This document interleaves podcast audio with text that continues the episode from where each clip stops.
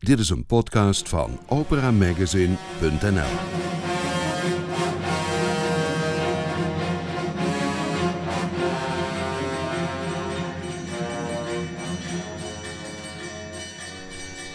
Welkom in Studio Nibelheim. Hier hoort u nieuws, achtergronden en interviews over opera en lied.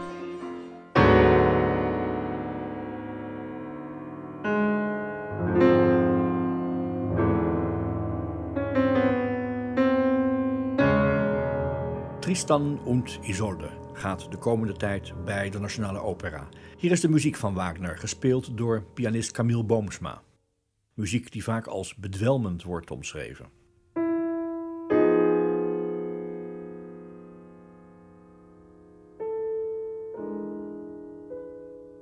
Wagner schreef het verhaal in tekst en muziek over liefde en dood. En om dat verhaal te vertellen is er de dirigent en er is de regisseur.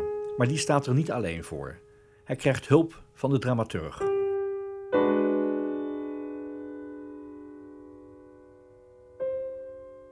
Over diens rol, en dan specifiek bij de productie die regisseur Pierre Audi maakte voor het Théâtre des Champs-Élysées in Parijs en voor de Nationale Opera in Amsterdam, spraken we met Willem Bruls, operakenner, publicist, schrijver van mooie boeken over opera en dramaturg.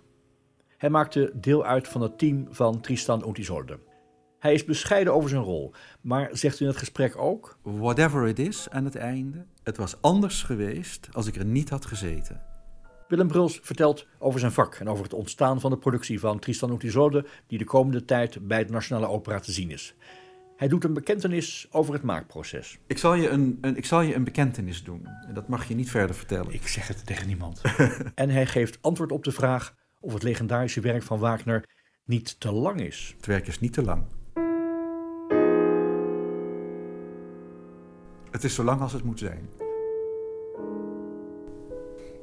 Willem Bruls, in je autobiografische boek Mijn Opera beschrijf je hoe je als 18-jarige eerst in de band kwam van Mahler en niet veel later Wagner ontdekte.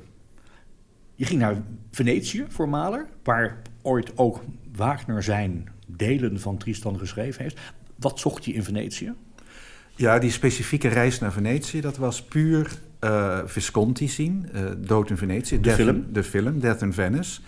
En uh, gebiologeerd raken door dat verhaal, door de setting, door de stad. Je, natuurlijk, je had wel eens plaatjes van het, van het Canal Grande gezien. Maar Visconti laat die stad toch echt in zijn, in zijn volle kwaliteit en in zijn schoonheid en in zijn, in zijn decadentie ook zien. Dus ik, en, en dat hotel met die fascinerende wereld daarin. Maar die vijfde van Malen, dat adagietto, dat daar de, heel, de hele tijd klinkt, dat was zo'n fascinerende klank. Dus ik, ik, ik, moest daar naartoe. Ik moest daar diezelfde zomer moest ik daar naartoe. En ik was student en ik had niet veel geld. Maar ik heb één nacht in Hotel de geslapen. En da, daar ging het mij om. Om die wereld, die façade, bijna letterlijk die façade mee te maken. En toen wist je waarschijnlijk niet dat Wagner daar niet ver vandaan ook had zitten componeren aan Tristan und Isolde. Ja, dat wist ik nog niet. Ik wist niet dat hij daar gezeten had. Ik wist niet dat hij daar gestorven was. Daar ben ik allemaal pas veel later achter gekomen. Maar uiteindelijk heb ik wel begrepen waarom dat zo was. Waarom hij daar die tweede acte van Tristan und Isolde moest componeren. En waarom hij daar uiteindelijk aan het einde van zijn leven terugging en eh, misschien zelfs een beetje wist. Nou, dat weet ik niet. Nee, het is toch wel echt een hartinfarct geweest wat hij gehad heeft. Maar toch wel ook een beetje wist dat Venetië de stad van de dood, van de, van de, van de ondergang, dat hij daar wilde zijn. Dat heeft natuurlijk ook wel meegespeeld. Later heb ik begrepen dat uh, Diaghilev, toen hij wist dat hij niet heel lang meer te gaan had op deze wereld, bewust naar Hotel de Bain is gegaan om te sterven in het hotel waar Dood in Venetië van Thomas Mann speelt. En omdat Wagner in Venetië overleden is. Dus daar kwamen die twee verhalen eigenlijk bij elkaar. Van Thomas Mann, Dood in Venetië, Mahler en Richard Wagner. In je boek beschrijf je dan, want je bent gaan studeren, je was 18 toen dat verhaal met Mahler speelde. In je boek beschrijf je dan wat voor keuzes je maakte. Misschien kan je gewoon even deze voorlezen. Dat is net zo leuk als ik dat doe. Ik kon tussen geen van deze kunsten kiezen.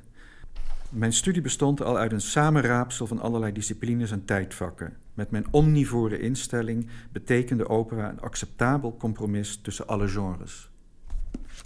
Geldt dat nog steeds? U hebt toen die keuze gemaakt. Ben je nog steeds als dramaturg in die breedte van kunsten actief en geïnteresseerd? Ja, uh, dat is eigenlijk zo gebleven. Uh, je moet, de, uiteindelijk is het het leven dat je een, een weg geeft, hè? Uh, dat, dat je een weg toont.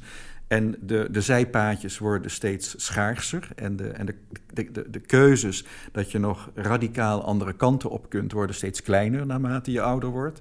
Maar als dramaturg, functionerend als dramaturg, ben je toch, word je toch geacht om eigenlijk evenveel van muziek als van beeldende kunst, als van literatuur, uh, theater te weten, uh, filosofie misschien zelfs, cinema. Uh, heel veel regisseurs worden geïnspireerd door, door film en door cinema. Dus je moet het allemaal blijven bijhouden. En, en in die zin ben ik diezelfde omnivoor gebleven, ja. Was je op weg om dramaturg te worden of is dat later op je pad gekomen? Nee, geen enkel idee. Ik, het was niet zo dat ik op de lagere school, op het schoolplein, dat de een zei ik word dokter, de ander zei brandweerman en dat ik dan zei ik word dramaturg. Nee, natuurlijk niet. Je wist, je wist van het bestaan niet af heb ik ook heel lang niet geweten. Nog heel veel, daarom zitten we hier, omdat heel veel mensen niet weten wat een dramaturg eigenlijk doet. Precies, en ik moet het ook altijd uitleggen bij, bij iedereen. En, en dan is het ook nog de vraag van wat voor een soort dramaturg ben je? Ben je een productiedramaturg? Ben je een huisdramaturg? Ben je een theaterdramaturg? Muziektheater, et cetera? Uh, nee, natuurlijk niet. Uh, ik was had een brede belangstelling voor kunst, de kunsten, uh, waarin muziek wel een centrale rol speelde. Uh, maar ik was ook, uh, ik studeerde Nederlands, uh, literatuur. kwam uit, uit met, met die achtergrond bij een heel klein tijdschriftje te werken, waar ik corrector en eindredacteur was. Ik heb toen voor de allereerste Parsifal van Pierre Audi. Niet, niet van Pierre, maar met Pierre als intendant in 1990. Klaus Michael Gruber heeft dat toen uh, geregisseerd. Heb ik een reportage over die productie gemaakt. Dat is gelezen door de opera en op basis daarvan kwam ik bij Odeon.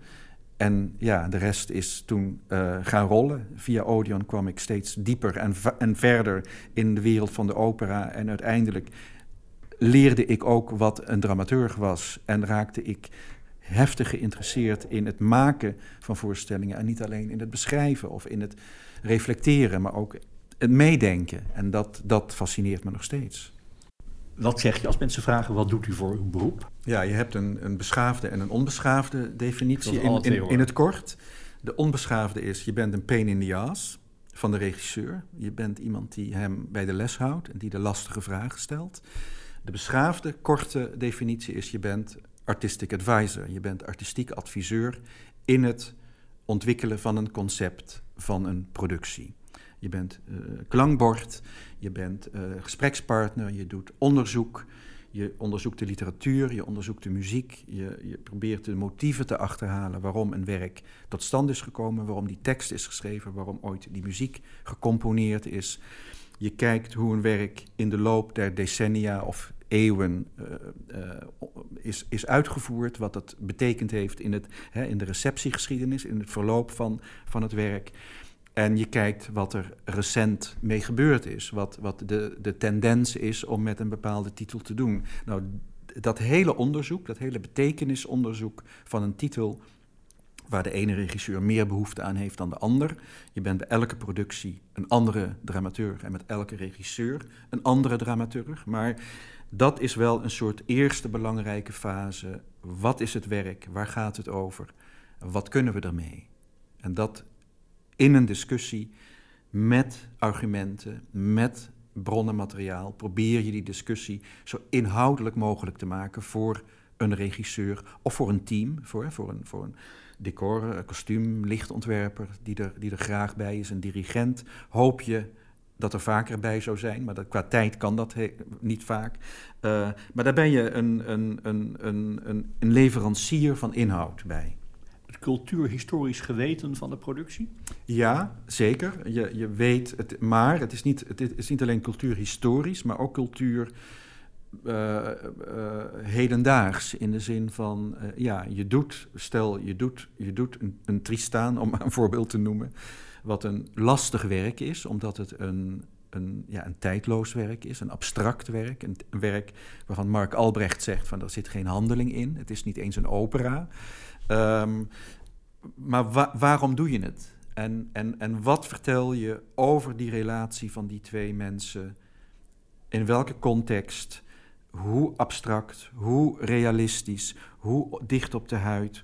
Hoe ver af? Uh, hè, wat, wat doe je met zo'n verhaal? Dat zijn hele interessante vragen met betrekking tot Tristan. Daar hebben we het heel uitgebreid over gehad. Ik las in de beschrijving van de masteropleiding die nu bestaat, dramaturgie. Het gaat over onderzoek en reflectie. Het gaat over meedenken over inhoud en vorm. En het gaat over de werking ervan op het publiek.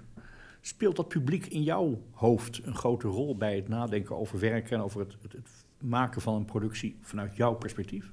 Ja, uh, dat speelt zeker een grote rol. Want de, eigenlijk is in die zin de eerste taak dat je met de regisseur de discussie voert. Hoe ga je dat verhaal niet alleen actu actueel maken in, in uiterlijke zin, in, in de zin van wordt het 20e eeuw of 21e eeuw. Dat, dat, die vraag is eigenlijk ook niet belangrijk. Het belangrijke is hoe vertel je het verhaal zodat iedereen het kan navolgen wat er emotioneel, wat er inhoudelijk in zo'n in zo'n stuk gebeurt. Muzikaal, textueel, eh, dramatisch. Dus ja, eh, je probeert in de eerste plaats het verhaal helder te vertellen. En met dat helder vertellen bedien je in feite het publiek.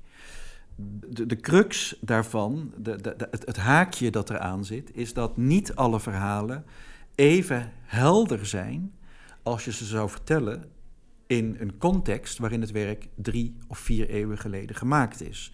Dat wil zeggen dat die context is zo veranderd dat, ja, dat je die, die wereld eigenlijk niet meer begrijpt.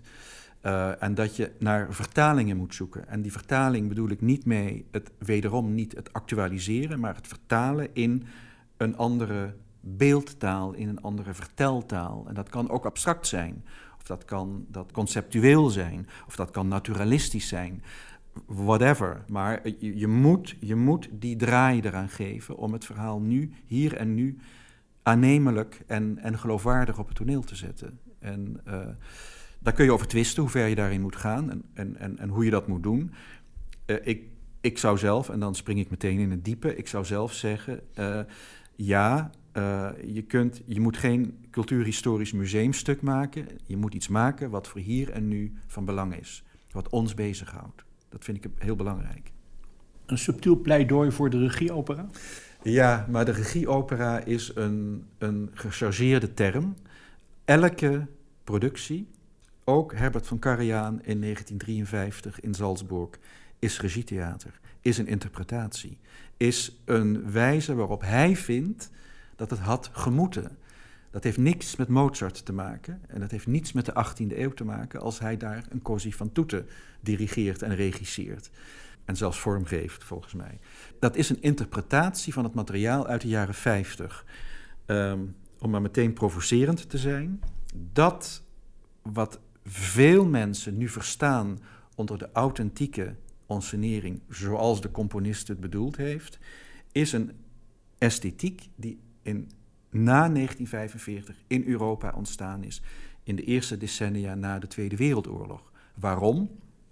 En ik ben ervan overtuigd dat ik kan dat niet bewijzen, maar ik ben ervan overtuigd dat dat een factor is. Waarom? Opera en kunst waren besmet door de Tweede Wereldoorlog. Uh, die taal was misbruikt. Dus iedereen begon na de oorlog zich te ontdoen van die politieke lading. Dat was ook nodig.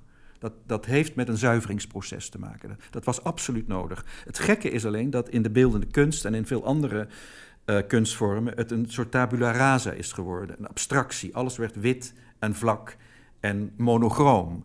In de opera heeft dat, kon dat niet en moest dat anders. En dat heeft dan tot een soort naturalisme geleid. Maar ook daar zie je dat in Bayreuth, hè, die jongens in Bayreuth, uh, dat dan alweer heel anders doen. En eigenlijk neigen naar dat tabula rasa van de beeldende kunst.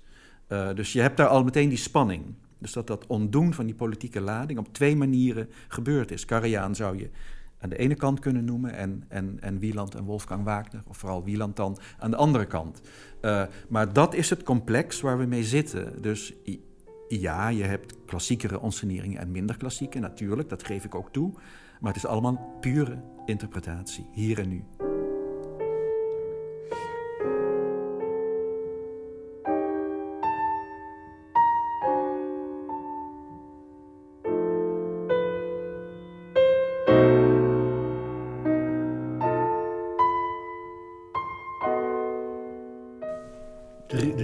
Denkt in muziek, de regisseur denkt in beelden. Wat valt er voor de dramaturg dan nog te denken? Uh, als je gelijk zou hebben in je analyse, wat ik bestrijd, zou ik zeggen de verbinding.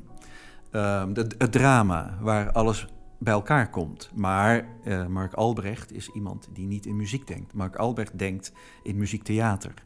Uh, muziektheatrale dirigent. En dat voel je ook in elke noot die hij laat spelen. En, en, en, en de, de, de plasticiteit waarop hij, uh, waarop hij hier opera dirigeert. Het is on, ongeëvenaard. Pierre aan de andere kant, is iemand die ook in muziek denkt. Die ook in ritme denkt. Die in, in, in tonen denkt. In beweging, maar ook muzikale beweging. Dus die twee mannen die raken elkaar op, op, een, op een middengebied... Uh, waar het muziektheater moet worden of waar opera theater moet worden. Uh, en een dramaturg die, die kan er alleen maar fascinerend naar kijken, wat, wat de twee doen. En zoveel mogelijk aan alle kanten voeden en duiden en bijwonen. Uh, ja, dus de, de synthese van, van de operavorm zit ook al in de makers. dus die, die tegenstelling, die, is er, die zou er niet moeten zijn. Het zijn die twee werelden die een week van tevoren samenkomen in de zaal voor de montage. De realiteit is dat, uh, bedoel, we, kunnen, we hoeven niet uh, te, te, bescheiden te zijn. We hebben deze productie al in Parijs en in Rome gemaakt, uh, deze Tristan Interessant genoeg met Daniele Gatti in Parijs. Met Daniele met, Gatti. met Mark Albrecht. Die niet gaat nu wel dirigeren. Ja. Uh, dus dan heb je een andere constellatie. Je hebt uh, niet de huis uh, of de chef van het huis die hier er wel bij betrokken is, die daar ook veel meer tijd voor neemt en veel meer toewijding voor neemt, ondanks een drukke programma. Maar je hebt eigenlijk echt een dirigent van buitenaf, die inderdaad, zoals je zegt, je eigenlijk op die twee keer nadat hij bij een repetitie symbolisch aanwezig is geweest, je eigenlijk niet meer ziet voor die montageweek waar het orkest erbij komt en dus ook de dirigent. Uh, ja, helaas is het economisch niet haalbaar om, om de dirigent er altijd bij te hebben. Daarbij moet ik meteen aantekenen dat ik ontzettend graag barokproducties maak, omdat barokdirigenten, Emmanuel Riem, uh, noem ze maar op, uh, Christophe Rousset, dat zijn mensen die zijn van begin tot het einde erbij het is ook een beetje een controlemechanisme. Zij willen er ook wel heel graag een vinger aan de pols houden en, en met de regisseur meelopen. Maar ik, ik vergeef ze alles, want ze zijn er, ze zijn toegewijd en ze zijn al die vijf of zes weken aanwezig. En zo zou het moeten zijn. Maar ja, dat, dat, kan, dat kan economisch niet. Je krijgt Maris Jansons en Daniele Gatti, die krijg je niet zes weken in een operahuis opgesloten. Dat die gaat niet. Volle agenda's. Die hebben volle agenda's. Ja. Zelfs stel dat ze dat niet zouden hebben, dan nog, die, die hou je niet vast. Die jongens moeten, die moeten bezig zijn. in vliegtuig over de wereld vliegen en ja. dirigeren. Ja,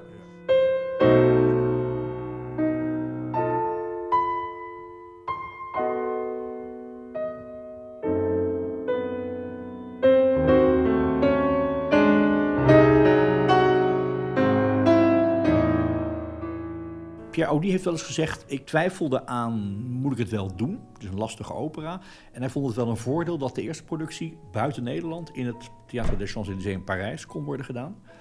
Daarvoor zat, daar wou ik met je naartoe, um, op een bepaald moment belt hij, mailt hij, appt hij jou met de vraag: Willem, wil je meewerken?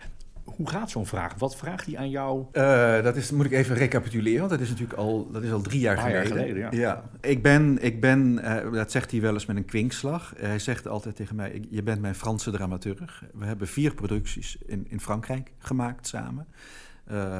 waarvan Tristan de vierde was. Drie aan het Théâtre de Champs-Élysées en eentje aan de Bastille. Uh, ik heb ook nog een andere productie met hem in Wenen gemaakt, maar dat is een ander project geweest, een barokproject van Hendel. Ik ben zijn Franse dramateur, dat wil zeggen, ik ben de dramateur die hij meeneemt als hij in Parijs werkzaam is. En ik ben ook iemand die die uh, ja, als eh, de huisdramaturg hier bezet is of als het project lastig is te combineren met Amsterdam, dan, dan ben ik degene die het eerst in aanmerking komt om met hem een project buitenshuis te doen. Dus buiten Amsterdam te doen of buiten Nederland te doen. Eh, ik ben een beetje zijn, zijn buitendramaturg Mhm. in die zin. Zei je toen hij het vroeg ja of zei je ja maar? En wat was de maar dan? Uh, ik, ik zeg voluit ja. Ik Waarom? bedoel, uh, Wagner, Tristan, laat ik, heeft, heeft voor mij geen enkele vorm van twijfel uh, uh, opgeroepen. Um, het, je hebt gelijk als je zegt dat het voor Pierre een stap was om de Tristan te doen. Tristan is, je kent het verhaal, het verhaal dat hij altijd vertelt, dat hij als 13-jarig jongetje met zijn vader in München was. Dat ze naar de staatsoper gingen, dat ze daar Tristan zagen en dat ze buiten kwamen. En uh, in de etalages van de Münchense chique winkels stonden zwart-wit televisies met de beelden van de maanlanding. Dus die kosmische ervaring in 1969 van die maanlanding zomer, ja. was voor hem uh, verbonden met die kosmische ervaring van Tristan en Isolde voor het eerst in die staatsoper in München horen. Uh, dus dat werk heeft een enorme lading voor hem. Emotioneel, muzikaal, uh, noem maar op. Maar dat maakt het natuurlijk ook hartstikke interessant om er mee aan het werk te gaan.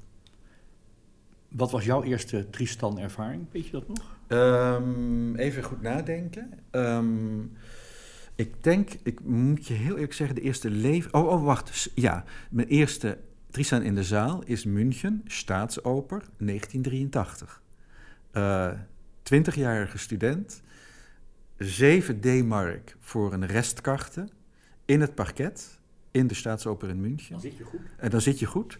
Uh, dan ga je vragen wie zongen er. Ik weet in ieder geval dat Ingrid Bioner uh, Isolde zong. Ik, ik, geloof dat ik Kurt Mol nog als Marke heb meegemaakt. Uh, ik moet je heel eerlijk zeggen dat ik even de Tristan kwijt ben. Maar uh, Savalis uh, dirigeerde. Die was toen baas van het huis. Was baas van het huis. Dus onvergetelijke productie.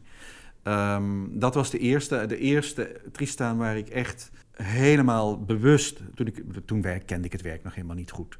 Maar de, eerste keer dat ik het echt heel bewust als een, als een mokerslag... inhoudelijk op alle niveaus heb meegemaakt... is de jaren 90 de eerste Heiner Müller productie in Bayreuth... met uh, Siegfried Jeruzalem en Waltraud Maier en uh, uh, Heiner Müller productie en Daniel Barenboim. De opname ligt hier. Ja. Laten we even een klein stukje luisteren. Gewoon even om die sfeer van die stemmen bij elkaar te horen en die dirigent.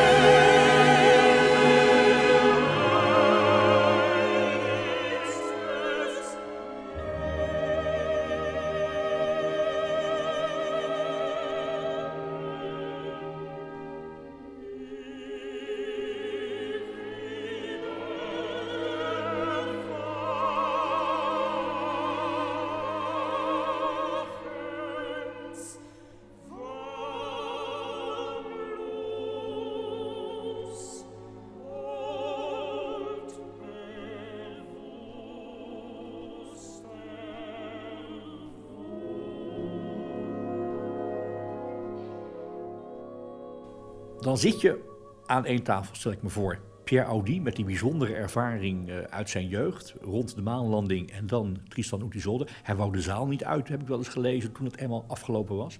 Jij met je eigen ervaring, München, 20-jarige student. Zijn het toch werelden die je bij elkaar gepraat krijgt? Want het zijn zulke eigen ervaringen met die muziek. Ja, dat is, dat is, je, hebt, je hebt een punt als je zegt dat, dat sommige ervaringen zo sterk zijn dat je, niet dat dat nodig is, maar je krijgt iemand er niet meer af. Je krijgt Pierre niet van die kosmische ervaring af. Dat is voor hem, Tristan is voor hem ook in, in, in muzikale dimensies van de partituur, dat is dat kosmische geluid. Die, die, die, wat Wagner doet in, in, in, in de orkestmuziek, ja, dat gaat elke fysieke grens te buiten. Dat beleef je ook als iets kosmisch, als iets transcendentaals. Um, ik heb vanaf dat moment, en dan zit je aan die tafel, gedacht van ja, maar het is ook een jongen en een meisje die ontrouw zijn en daarvoor boeten. Het is ook een verhaal van mensen. Het is ook een, een, een verhaal dat we allemaal kennen en dat we allemaal kunnen navoelen. En, en uh, dat is een beetje een, een, een ja, partijen, ik wil niet zeggen strijd geworden, maar ik heb wel geprobeerd om, om die dimensie, en ik zeg daarmee niet dat Pierre dat niet onder ogen ziet en dat hij er geen mensen van maakt, dat helemaal niet. Maar ik vond het wel heel belangrijk om die menselijke kant, die naturalistische kant, die, die, die, die emotionele, basale beleving van wat is het eigenlijk wat daar gebeurt tussen, tussen de figuren, ook al is het geen theater, uh, te beklemtonen. En ik heb dat onder andere gedaan en dat vond ik dan een belangrijke keuze. En dat is dan een keuze die je maakt als dramaturg. Ik ben Gottfried van Strasbourg gaan lezen. Het originele verhaal, wat heel lang is, heel, heel groot. 20.000 versen. Ik heb het uh, ademloos gelezen. Ik viel van de ene verbazing in de andere. Het is ongelooflijk hoe expliciet Gottfried is over seksualiteit, over het consumeren van die liefde, over de drang waarop die twee met elkaar naar bed moeten. Het, je valt echt van de ene verbazing in de andere. Het wordt ongelooflijk menselijk.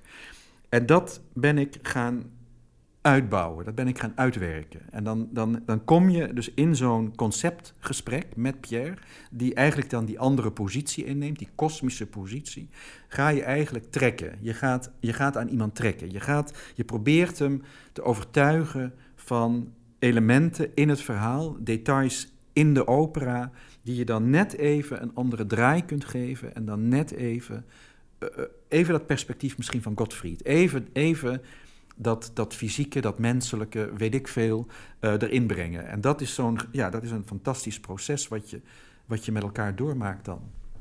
Is die productie daar het einde van of is het een stand van zaken van dat moment? Um, kijk, uiteindelijk is, is het een stand van zaken van dat moment en is de productie de productie van Pierre en de keuzes van Pierre. Maar uh, het gekke is, is dat whatever it is aan het einde, het was anders geweest als ik er niet had gezeten.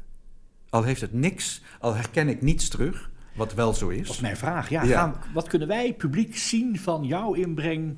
Niets. En dat is ook niet de bedoeling. Uh, niet jammer? Nee hoor, dat is helemaal niet jammer. Uh, en dat heeft ook niets met valse bescheidenheid of wat dan ook te maken. Nee, je bent als dramaturg iemand die, uh, die voedt. En die niet die artistieke eindverantwoordelijkheid heeft, uiteindelijk op het toneel. En dat voeden, dat vind ik fantastisch. Ik, ik, ik beleef daar heel veel plezier aan om iemand dat, dat te geven. Uh, het is helemaal niks altruïstisch of wat dan ook. Maar dat is puur omdat ik er zelf evenveel genoegen en voldoening uithaal. Um, uh, en op dat, uh, dat artistieke proces mee te kunnen maken. Met niet alleen Pierre, maar ook met Christophe Hetzer, de, de, de decorontwerper. Ja, uh, Jean Calman, de lichtontwerper, ook heel belangrijk. Um, ik zal, je een, een, ik zal je een bekentenis doen. En dat mag je niet verder vertellen. Ik zeg het tegen niemand. We hadden een, in een vroege fase had Christophe maquettes gemaakt voor de drie actes en, of, of schetsen. En we hadden een conceptgesprek in Brussel, want Pierre was daar bezig met een, ik geloof dat hij toen met die Hendel-opera's aan de munt bezig. En we moesten in Brussel bij elkaar komen en dat was Pierre en Christophe en Jean Calman en ik.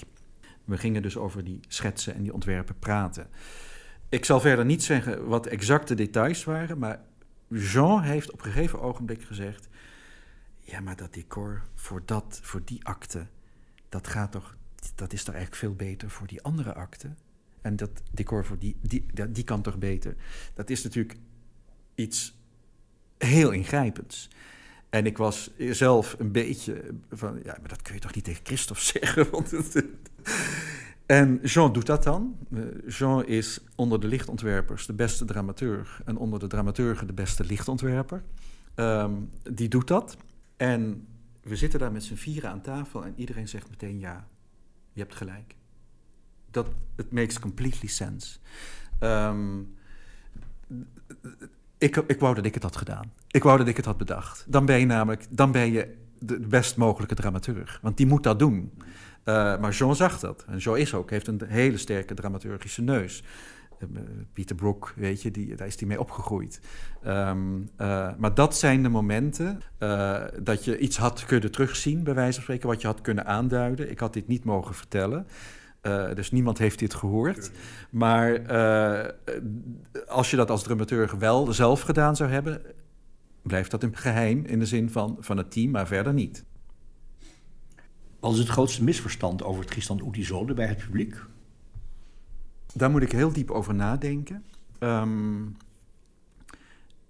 wat geen misverstand is, is dat het een lastig werk is. Dat het een. Het is, het is, als ik terugkijk naar mijzelf, in het mij eigen maken van het oeuvre van Wagner, uh, is dit misschien de laatste opera waar ik helemaal toegang tot had. Wat het langste geduurd heeft. Daarmee is het ook de mooiste geworden, omdat het zo lang heeft geduurd, omdat het zo weerbarstig en zo. zo uh, het is geen easy listening, het is geen Parsifal, het is ook geen Walkuren. Uh, ik, ik kan niet zeggen wat het misverstand is, ik kan wel zeggen dat als een Tristan niet goed genoeg is, dat het een kwelling is, omdat het dan te lang duurt. Maar het werk, het misverstand dat het werk te lang zou zijn, dat is een misverstand. Het werk is niet te lang. Het is zo lang als het moet zijn. Laten we hopen dat er op 18 januari een jongetje van een jaar of 13 in de zaal zit die niet weg wil als het afgelopen is, omdat hij helemaal gegrepen is door de muziek. Wellicht een student van 18 of van 20 die voor het eerst Wagner hoort en die dat de rest van zijn leven met zich mee gaat dragen. En die worden misschien wel dramaturg. En die gaan misschien wel net van die mooie boeken schrijven als jij. Als onder andere Mijn Opera, wat nog steeds eh, te koop is, zag ik. En wat uh, al die verhalen die je hebt over opera heel mooi gebundeld heeft. 18 januari, ik verheug me nu wel, zeker na dit gesprek met jou. Dank je wel, Willem Bruls. Graag gedaan.